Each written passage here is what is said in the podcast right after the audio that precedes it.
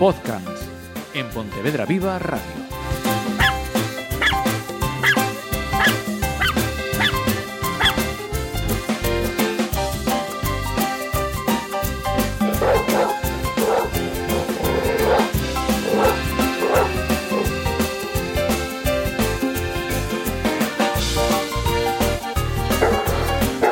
Saludos, ya estamos aquí.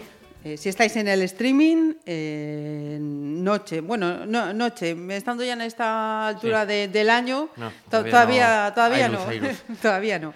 Pero bueno, ya sabéis, en streaming, en podcast, este podcast y la parte imprescindible para hacer este programa. Diego, bienvenido. Muchas gracias. Esta semana nos toca eh, hablar de, por cierto, vamos a, vamos a hacer una pequeña aclaración para los seguidores de, de podcast. Habíamos dicho que íbamos a hablar de perros potencialmente peligrosos. Eh, como lo queremos hacer impecable, nos vais a dar permiso que lo pospongamos un, un poquito. Exacto, un Así que esta semana nos vamos a la habituación Ah, y la frente... a la desensibilización. Perfecto, cuéntame, yo ignorante de mí, sitúame, ¿esto qué significa? Vamos allá. Eh, lo primero es eh, ¿qué, qué es lo que les diferencia una de la otra. Y es bastante sencillo. En la habituación, eh, cuando exponemos al perro a un estímulo, no existe ningún tipo de respuesta ansiosa. Frente a la desensibilización, que sí provocaría una respuesta ansiosa. Ajá. ¿vale? Esa es la, la principal diferencia. Es decir, en una, el perro o no conoce, no conoce el estímulo y lo conoce por primera vez, pero no le provoca ninguna ansiedad. Y en la segunda, eh, pues evidentemente el perro ya conoce el estímulo o no, bueno, no necesariamente. Puede no conocerlo, pero darle una, una respuesta ansiosa. ¿Vale? Eh, un ejemplo de, de- de- de habituación frente a desensibilización. Imaginemos un perro que vive mm, en, en la aldea, en una finca, y no y tiene contacto pues con determinados pues, animales, pueden ser gallinas, pueden ser, eh, ¿cómo se llama esto?, ovejas, este tipo de cosas. Como la exposición suele ser de forma progresiva, no, Co- no cogemos al cachorro y, y está directamente entre las gallinas, se va acostumbrando a los sonidos, al olor, y poco a poco lo ve como algo totalmente Lo asume normal. como algo normal, Exactamente. ajá. Mientras que ese perro va a tener en falta de estímulos, pues por ejemplo, en obras eh, que, habrá, que hay en una ciudad, eh, en un cúmulo de gente grande, porque en las aldeas pues no, no se suele juntar mucha gente. eh, Con muchos vehículos. con- Exactamente, Ujú. coches, este tipo de cosas. Entonces, probablemente ese perro, si ya pasada, sobre todo la, la etapa crítica de socialización, se va a vivir a un piso, eh, habrá que desensibilizarlo frente a estos estímulos. No, no tiene por qué ser. Sí, va a haber que No, hay perros que son más duros, que toleran mejor los estímulos, entonces no, no va a tener, no, no tienen por qué tener problema. Pero por lo general sí suele pasar. ¿Vale? Vale. Entonces ahí tendríamos que entrar en, en- en el proceso de, de desensibilización. ¿Cómo lo haríamos? Eh, de forma progresiva, como hablamos siempre en el tema de, de los perros. Es decir, no, no le metemos ahí mm, eso, tiene miedo a, a la gente, cojo, te llevo a, a la herrería cuando está esopetado. No, ahí lo que vamos- y provocaríamos es lo que se llama, mira, no lo incluye, viene, viene bien ahora, una inundación. ¿Vale? Ah. Creo que ya tenemos hablado de ello, eh, creo que había además puesto el ejemplo de las arañas. Eh, una persona que le tenga miedo a las arañas. Eh, ¿Cómo le hacemos para que tenga menos miedo? Pues evidentemente presentan- presentándole una araña pequeñita a una distancia que lo vaya tolerando. Eh, habría formas incluso de positivar, que ahora explico lo que es. Eh, no cogemos a esa persona, la metemos en una habitación con 300 araña- arañas, tarántulas y las de Dios porque peta. Y entonces, ¿qué es lo que se provoca? En vez de una desensibilización, se provoca una sensibilización. Esa persona va a tener más miedo todavía a las arañas. Por eso los procesos de inundación, creo que lo comentamos de una vez, son procesos que usan determinadas personas, como pueden ser el, el Borja Caponi o el César Millán, no suelen ser muy recomendables. Y aunque muchas veces se observa que el comportamiento del perro, eh, digamos, deja de, de huir de ese algo que, al que le tiene miedo, eh, entra- estamos probablemente entrando en lo que eh, tenemos explicado más veces de la indefensión aprendida. Es decir, el perro ha descubierto, "Mm, haga lo que haga, no lo soluciono, pues lo que quiero yo es morirme. ¿Vale? Entonces, Mira. no son nada recomendables, suelen dar lugar incluso a, a comportamientos alternativos que dices, ah, mira, no le tiene miedo a esto, sí, pero ahora está sacando el estrés por otro lado. Entonces, las inundaciones no son nada recomendables. ¿Vale? Entonces, eso, exponemos eh, eh, el- al perro al estímulo, eh, digamos, de forma progresiva mm, y asegurándonos sobre todo de que la respuesta ansiosa sea o nula o muy baja. ¿Vale? Llegado a esto, hay que controlar una serie de parámetros, lógicamente. Por un lado, cantidad de estímulo. ¿Qué me refiero? Eh, en, en, referencia al perro este que hablábamos de la aldea. Si tiene miedo a los coches y a las personas, pues no exponemos coches y personas al mismo tiempo. Expondremos coches, cuando esté desensibilizado, expondremos personas, o a la inversa, daría igual. ¿vale? Luego, intensidad del estímulo. No es lo mismo, pues eso, si es a las personas, llevar al perro a la herrería a primera hora de la mañana, acabar a tres personas, que llevarla pues a las 6 de la tarde, que están los niños, los padres, tal, y un jaleo allí tremendo, ¿vale? Con lo cual, eh, eh, eso sería la intensidad de estímulo. Y la distancia. Nuevamente, si yo le presento el estímulo al perro, estando la gente en la herrería, yo estoy, eh, si en la herrería yo estoy en, en la peregrina, hay una distancia de gestión. Mientras que si me pongo en el centro de la herrería, pues no, no va a haber sí, esa... no hay ese espacio. Exactamente. Suele estar muy relacionado a intensidad y distancia aunque mm, no necesariamente. Un, un, caso en el que sí, por ejemplo, es los fuegos artificiales. ¿vale? Evidentemente, cuanto más cerca, más fuertes van a sonar y, y cuanto más lejos, más, más bajo, más, menor mm. intensidad del estímulo. Sí, ¿vale? sí, sí. Eh, ¿Cómo se debe de trabajar esto? Esto es lo que digo siempre, ¿vale? O sea, si no somos profesionales, no nos metamos porque lo que podemos es, lo que decía antes, provocar, Provocar una el contrario. Exactamente. Pero como nos, nos gusta ayudar, pues lo explicamos. Eh, y además por eso vamos en orden y en su momento explicamos señales de calma, el estrés, señales de estrés, ¿vale? Eh, incluso hemos hablado de lo que son señales de estrés primarias y secundarias, ¿vale? Con lo cual, eh, ¿cuál es una forma buena de verlo? Si el perro come o no come, ¿vale? Esto es lo que, lo que hablaba antes de positivar. Eh, si el perro, hablamos también otras veces de que la, la, la, cabeza del perro funciona distinta. Es decir, un perro, por ejemplo, que sea reactivo con otros perros. Eh, un ejercicio que suelo hacer, depende, dependiendo del perro, es, en cuanto venga otro perro, ¡pum!, le doy un premio. La gente dice, pero ¿le estás reforzando? No. Acordémonos de la diferencia entre reforzar y positivar, ¿vale? Uh -huh. eh, hablábamos de condicionamiento clásico, condicionamiento instrumental.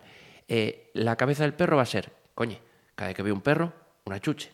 Pues entonces el perro no es malo, uh -huh. es bueno, ¿vale? Es la forma de, de, de exactamente, de trabajar la, la, cabeza del perro. Entonces, eh, si el perro no come, el perro está petado, no, es, no está siendo capaz de gestionar esa situación. Si el perro come, por lo general sí, pero si no somos capaces de distinguir eso, los niveles de, de, estrés del perro, las señales que me está dando, es probable que incluso lo hagamos peor si, si premiamos. ¿vale? Uh -huh. Con lo cual, eh, tenemos que observar el comportamiento del perro. Habíamos hablado eso de las señales secundarias, una bastante común, no siempre, pero es el rascado. Si yo tengo a mi perro que está comiendo, pero de repente se está rascando como un poseso, está desparasitado, no tiene ningún tipo de alergia, probablemente me esté dando una señal secundaria de estrés trabajar en esas condiciones, mm, no solo no va a haber aprendizaje, sino que probablemente vayamos hacia atrás. Uh -huh. ¿vale? Con lo cual, eh, la comida, buen indicativo, pero aprendamos a, a, a, leer al perro. Si no sabéis de lo que estoy hablando, hay un montón de programas ahí para descargar, Eso. muy buenos. Y además estamos en iVox, a lo loco, o sea, ya, ya lo echamos. Y, Despiporre. Exacto, y, y, queremos subirlo también a Spotify, a YouTube, o sea que esto va a ser, vamos, vamos a copar el mercado. eh, eh, lo que decía, eh, como siempre, exposiciones de menos a más. Ajá. Y muy importante, ¿vale? La capacidad cognitiva, eh, como hemos dicho más veces, del perro es pequeña, ¿vale? Eh, creo que lo hemos dicho muchas veces, es comparable un poco casi a la de un niño de 3-4 años o la de un político totalmente desarrollado. Es muy pequeña la capacidad cognitiva. Con lo cual, tenemos que tener en cuenta eso. Con lo cual, sesiones muy pequeñas. Yo uh -huh. sea una obediencia, sea un problema de, de comportamiento, eh, no suelo recomendar más de 5 minutos a la mañana, 5 al mediodía y 5 a la noche no hay perros que tolerarán más, hay perros que menos, pero como baremo nos vale para no petar al perro. Uh -huh. Evidentemente, si peta antes, cortamos y ya está, y no pasa nada.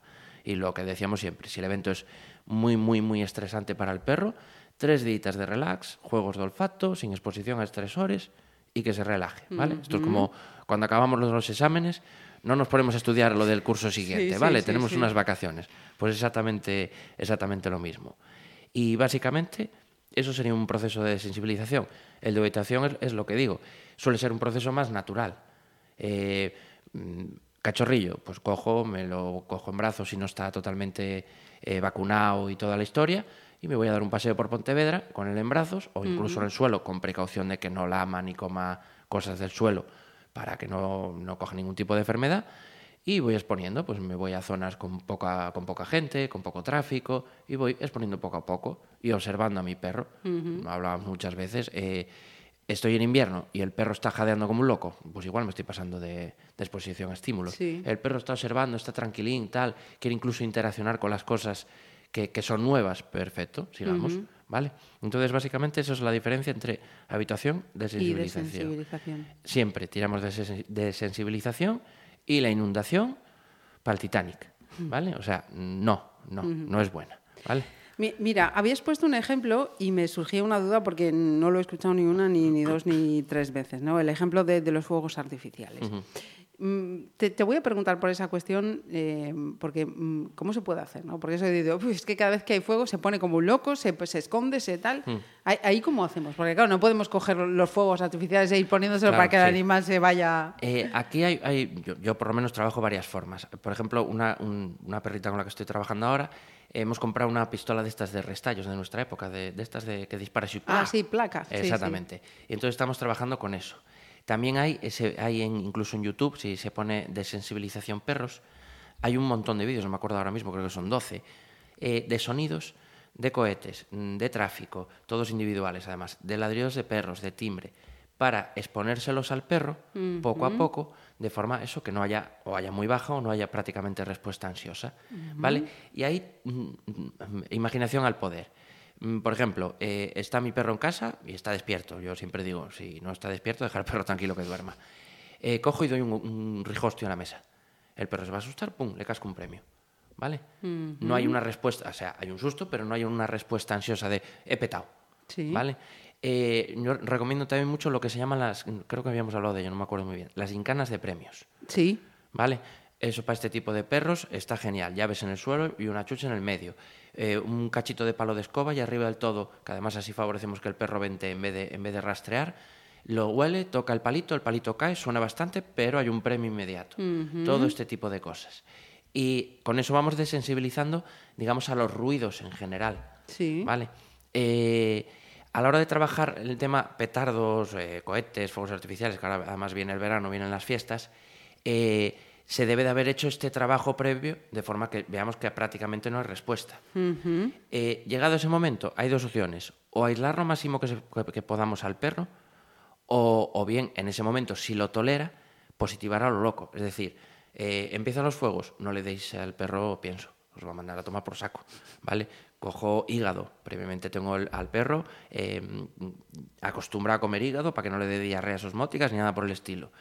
Eh, empiezan los fuegos, o incluso antes de que empiecen, empiezo a tirar eh, hígado por el suelo. O si mi perro tolera comer huesos, antes de que empiecen le doy un pedazo de hueso con mogollón de carne y es la mejor forma de positivar esas situaciones. Pero ahí el estímulo es muy, muy, muy grande. Con lo cual es eso, necesitamos a medio o bajo estímulo haber conseguido que el perro no dé ningún tipo de respuesta ansiosa para trabajar eso. Perfecto. Luego hay otra cosa, las tormentas. Ahí entramos en un problema. Ah, ¿Por qué? Porque hay unos cambios de temperatura y de presión que el perro nota. Por ejemplo, Bella, una hora antes de que llegue la tormenta, yo ya sé que viene una tormenta. Gracias a Dios las tolera muy bien, pero en su momento era horrible para ella, sobre todo aquí en Galicia con las ciclogénesis, era tremendo. sí, sí, sí. Eh, no había caído yo, fíjate. Claro, ahí es, es distinto, no es, no es solo estimulación auditiva, hay una estimulación, pues eso, incluso me imagino que olfativa, eso, al nivel de presiones, de temperaturas. Entonces, eh, el momento que veamos inseguridad ya en el perro, que se, se muestra un poco ansioso, eh, y además calculamos, porque aquí en, en Galicia, pues eso, solemos, bueno, en Galicia en todos los lados, sabes el tiempo que va a venir, eh, empezar a trabajar desde ese momento. Ahí ya es mucho más difícil, digamos, eh, duplicar las condiciones. Yo no puedo hacer un cambio de presión, De presión y de temperatura. temperatura, Exactamente. claro. Pero sí puedo intentar eso, mm, desensibilizando los sonidos, porque como suele ir asociado, eh, cuando llegue ese momento, empezar a trabajar antes para no tener al perro ya perdido y poco a poco tal. Una cosa que suele funcionar si queremos que, que el estímulo externo, es decir, la tormenta, sea menor, es bajar persianas y poner música étnica. ¿Por qué? Porque la música étnica tiene sonido- eh, sonidos potentes de bajo, tambores y así. Y eso y suelen, los perros suelen estar acostumbrados a que pongamos música a tometer. Y eso suele amortiguar mucho el sonido de truenos. Entonces, eh, es una buena forma de amortiguar y podemos jugar con el volumen de esa música que tenemos, bajándolo, para que el estímulo externo vaya, digamos, subiendo y que el perro se vaya acostumbra, acostumbrando. Ajá. ¿Vale? Entonces, es una forma de, de trabajarlo. Eh, mm, a la gente en general cuesta trabajar con el perro. Y este tipo de, de ejercicios les cuesta mucho más. ¿vale? Entonces, Lleva eh, tiempo, pero eh, bueno. Exactamente, sí. Es cuestión como todo con los perros, como todo con los niños y como todo en la vida. cuestión de paciencia y constancia. insistencia. Exactamente, no, no tiene más. Perfecto. Mira, eh, te acabo o me acabas de resolver una duda. Y teníamos también duda de quienes nos escuchan que te han hecho Eh, llegar que en el, en el correo. Eh, recordamos, perdona, eh, podcast@gmail.com. Eh, Exactamente. Eh, me preguntaban, eh, aunque, me- bueno, eh, decían eh, tema arnés, collar, correas, todo este tipo de, de elementos. Desde luego yo, si el perro no tira, soy mucho más partidario del collar, ¿vale? Para un perro que tire, desde luego lo más partidario que soy es de- del arnés, el, tengo comentado más veces, eh, de estos de enganche en el pecho. No voy a decir marcas. Hay uno en especial que me gusta más, pero por no decir marcas, ya que no nos patrocinan, pues no lo patrocinamos nosotros. Eh, los de pecho evitan que el perro tire, pero en un porcentaje elevadísimo. Es una pasada. Eh, ¿Por qué collar y no arnés si el perro no tira? Porque cuantos menos elementos pongamos encima del cuerpo del perro, mejor. ¿Vale?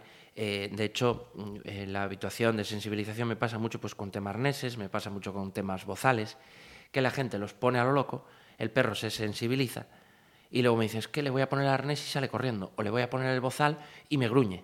¿Vale? ¿Por qué? Porque no hemos hecho una habituación. Si lo hiciésemos de forma progresiva, el, el bozal, por ejemplo, eh, dando chuches, el perro se hubiese habituado, habituado y no hubiese tenido ningún problema. Cuando traen al perro, el perro está ya del bozal que lo odia con toda su alma. Claro. Entonces, eh, collar, porque hay menos elemento en, en el cuerpo del perro, frente al arnés. Eh, quien dice menos elemento eh, encima del perro, incluyo también temas, eh, ¿cómo se llama esto? Vestir a los perros y este tipo de cosas. Es cierto que hay perros, pinchers, eh, galgos, que son frioleros, ¿vale? Eh, tengo que saber si mi perro está... Bella no tolera el arnés nada bien, no le gusta nada. Eh, pues lo trabajo, ¿vale? Eh, cuando la llevaba con el chubasquero para la lluvia, yo el primer día se lo puse y dijo, madre Dios, o sea, es que no va ni a mear. Digo, pues no te lo pongo más. Sí, ¿Voy a sí. hacerte una desensibilización? No, pues hija, te mojas igual que me mojo yo, Sí, con que no llevo paraguas, y al llegar a casa nos secamos los dos. Listo. Entonces, o bien evitamos poner esos elementos, o bien acostumbramos al perro a llevarlos como algo nuevo y, y- y normal y agradable, porque además suele estar asoci- asociado con salir a la calle. ¿Vale? Entonces, frente a eso, collar o arnés, Collar. collar. si no tira. Si tira, arnés, te engancha en el pecho. ¿Vale? Los collares de enganche en la espalda suelen ser arneses, perdón, me lié yo ahí. Los arneses de enganche en la espalda son arneses de tiro, por lo general. Con lo cual lo que hacemos es que el perro tire mucho más. Sí, ¿vale? sí. Y luego, en el tema correa. Hay unas correas que yo las odio con toda mi alma, que son las famosas flexi, estas extensibles. Sí. ¿Vale? Eh, aparte de que las odio mm, con toda mi alma, porque hasta si aún la gente aprendiese a manejarlas, pues bueno, eh, no las manejan. Entonces vas por la calle y tienes que ir haciendo zigzag para eh, em, evitar la correa, porque el mm, perro está en un extremo y como las hay ahora enormes, el dueño está a 50 metros al otro lado. Y, o Y si vas a la- corriendo, vas haciendo además salto de altura. eh, exactamente. O te pones a jugar allí a la, a la comba o tal. Entonces, eh, por, por ese lado ya no, no soy partidario. Eh, el segundo y principal motiva, motivo, esas, eh, esos tipos de correas siempre generan tensión en, la- en el cuello del perro. Ajá. Siempre están tensas. Es- tienen un sistema de recogida automático y o tienes buen manejo de esto de que sepas aflojar tú con una mano y bloquear para que no haya tensión, o siempre va a haber tensión. ¿Eso que provoca? Uno, dolor en el perro en la garganta, lógicamente. Si a mí me llevasen por la calle con una horca tirando por suave que tiren, me acaban haciendo daño, seguro. Y dos, puede generar en lo que hablamos muchas veces de la, de la eh, reactividad por correa. Perros que sueltos no tienen problema ninguno, les Pero pones la correa y saltan a, a por todo lo que se mueva. ¿Vale? Con lo cual, esas, las flexis no son nada recomendables.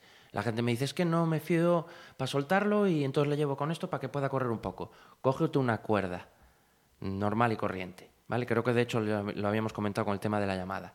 Eh, una cuerda normal que encuentres en cualquier tienda, le haces mm, en nudos cada 50 centímetros para poder dejar la cuerda en el suelo. Si el perro sale disparado, pisas la cuerda y se atasca con, con ese nudo. ¿Por qué digo con el pie? Porque si sale disparado, como lo coges con la mano y la cuerda no sea un poco buena, te va a quedar la mano fina. ¿Vale? Entonces es lo que recomiendo. Ajá. Y puedes darle toda la libertad que quieras a tu perro y no con esa correa que va a estar el perro jugando y ahogándose. ¿Vale? Entonces, eh, flexis, ¿no? Y luego, correas, ¿de cuánto? Eh, suelo recomendar correas de metro y medio, dos metros. Hay unas ahora que están muy bien, que tienen varias posiciones, que puedes llevarlo incluso cruzado en el pecho y tal. Esas correas están bastante bien y puedes eso, controlar más o menos, o menos distancia. Eh, hay que tener precaución para el tema de los considerados, malamente considerados PPP, porque no recuerdo ahora mismo si el máximo creo que es metro y medio. ¿Vale? Con lo cual, si le metemos una correa de dos me- metros, nos puede caer una multa. No. Eh, estas correas pequeñitas, eh, que las hay incluso con muelle para amortiguar el tirón y tal, cuanto más corta sea la correa, más problemas vamos a tener, más estamos controlando al perro cuando a mí lo que me interesa es que el perro se gestione a sí mismo y peor va a ser. Con lo cual, metro y medio, dos metros. Mm, En los sitios en los que pueda soltar, suelto teniéndole la llamada y me ahorro problemas, ¿vale? Cuanto, lógicamente, las cortas igual que las flexis. En el momento que el perro se mueve un poco, Allá va. tensión. Y luego, no vamos a, con, con 50 centímetros, 20 centímetros de correa, no vamos a permitir lo más importante que, que- que hay en el perro, que es que olfatee. Todo el rato tirando de él. No, no, con metro y medio, el perro que no tire y tiene metro y medio, dos metros de, de libertad para olfatear todo lo que quiera y más. ¿Vale? Entonces, es lo que suelo recomendar. Correas de metro y medio, dos metros y collar si no tira. Y si no, arnés. Ujú, Perfecto. Yo creo que ha quedado perfectamente resuelta. Si no, pues oye, mm, lo siento, vuelvan a insistir. Oye, mira, Eh, ¿qué tal? exactamente, sí, y, problema y aquí es, y aquí estamos. Eh, ¿Qué recomendación nos traes hoy? ¿Libro? ¿Vídeo? Hoy traigo, que de hecho lo puse en el, en el Face mío, eh, no, no es un vídeo en concreto, son, son varios vídeos que por desgracia se ponen muy de moda y es que a mí me ponen de- del hígado, creo que incluso lo habíamos comentado alguna vez. Y son estos vídeos de gente riñendo a su perro porque hace gracia los gestos que hace el perro, eh, cómo, cómo intenta escapar. Eh, punto uno, suelen hacer esos vídeos mm, pasados más de seis segundos, entre comillas, como hemos hablado muchas veces, que es el condicionamiento en el perro.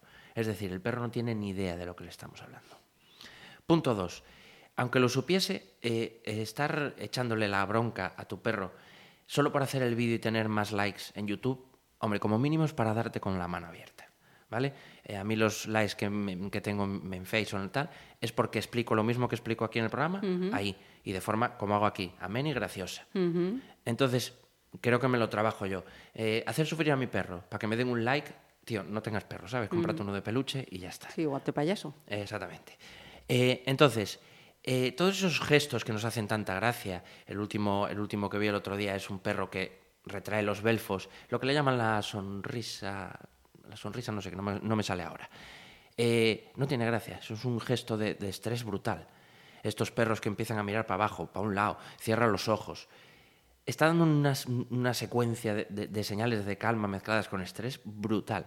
No tienen gracia esos vídeos, ninguna. Estamos haciendo sufrir a un ser que se, en que se supone que queremos, ¿vale? Es como si yo ahora llego a casa y le voy a mi hijo y le empiezo a echar la bronca por lo que sea, que él se va a acordar, a diferencia del perro, eh, simplemente grabándolo para hacer la broma. Yo no le veo la gracia, personalmente no se la veo. Sí, sí. Con lo cual, dejar de hacer esos vídeos y dejar de compartirlos como algo gra- gracioso porque no lo son. ¿Vale? Eso es fundamental. Entonces, en cuanto vean estos vídeos, pues mm, que bloqueen o que los borren o lo que sea. Porque no, no tiene sentido. Entonces, son vídeos en general, no es un vídeo en concreto. Sí, ¿eh? sí, sí, sí. Y por desgracia de estos hay, hay muchos. Ah, tenía aquí además apuntada una cosilla que a ti no te la mandé.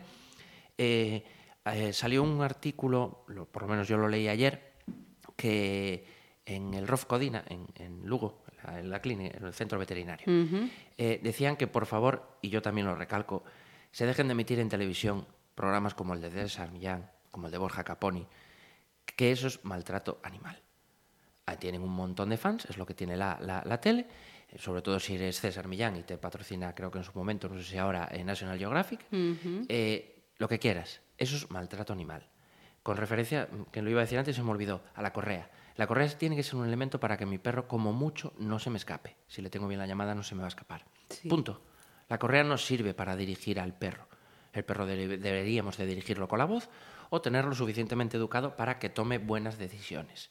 Esto es como si yo voy por la calle y llevo a mi hijo cogido de la cazadora de un lado para otro. ¿No tiene sentido? Pues con el perro lo mismo. Es un elemento de seguridad, punto. ¿Vale? Entonces, todo este tipo de cosas de collares de estrangulamiento, de descargas, y vuelvo a decir, creo que los dije en su momento, los he usado, ¿vale? Con lo cual sé lo que provocan y sé lo que le provocaron a mi perra. Y sé que me costó un año y pico recuperar la confianza de mi perra en mí. No sirven para nada, son dañinos y mm, deberían de ser directamente ilegales y, y no van a solucionar nada y como mucho lo que van a hacer es derivar en otro tipo de problemas. Y ese tipo de programas exactamente lo mismo.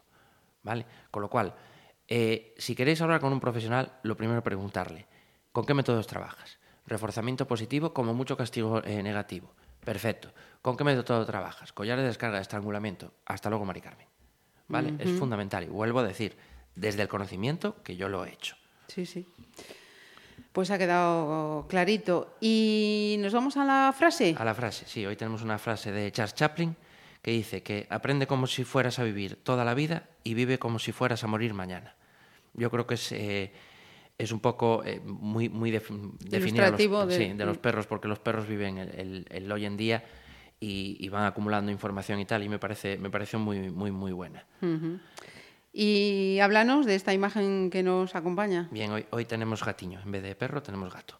Es un, un gatín de aproximadamente cuatro años que se llama Vieito. Mm, Quiero recordar que fue porque lo encontraron por la zona de San Benitiño Dolores o algo así, entonces ahí lo- el nombre. Es un, per- un perrín, sí, de la costumbre. Un gatín muy sociable con perros y, y gatos y no es muy sociable, entre comillas, con personas. Le cuesta, ¿vale? No quiere decir que sea salvaje, Que- que tal, ajá. ¿vale? Eh, lo que necesita es trabajo. Una persona que, que o bien sea un profesional o que esté acostumbrado a ese tipo de casos para que coja, vaya cogiendo confianza, confianza en él. Mm, per- bueno, pertenece, es, eh, es una vida, no pertenece a nadie. Eh, es de, de ay, ¿cómo se llaman? Eh, eh, difusión felina. Ajá. Y, y el contacto es un correo, que ahora mismo no me acuerdo no lo apunté, pero luego Pero te lo doy y la lo ponemos. información, Exactamente. eso es. Y, y buscan tanto adopción como acogida, cualquiera de las dos, de las dos Opciones. cosas. Ujú. Eh, Exactamente, encantados de la vida. Perfecto. Pues nosotros encantados de haber tenido un programa más. Muchísimas gracias, eh, Diego Álvarez, por acompañarnos y guiarnos. Gracias a vosotros por aguantarme. De eso nada. Y hasta dentro de, de un par de semanitas. Perfecto.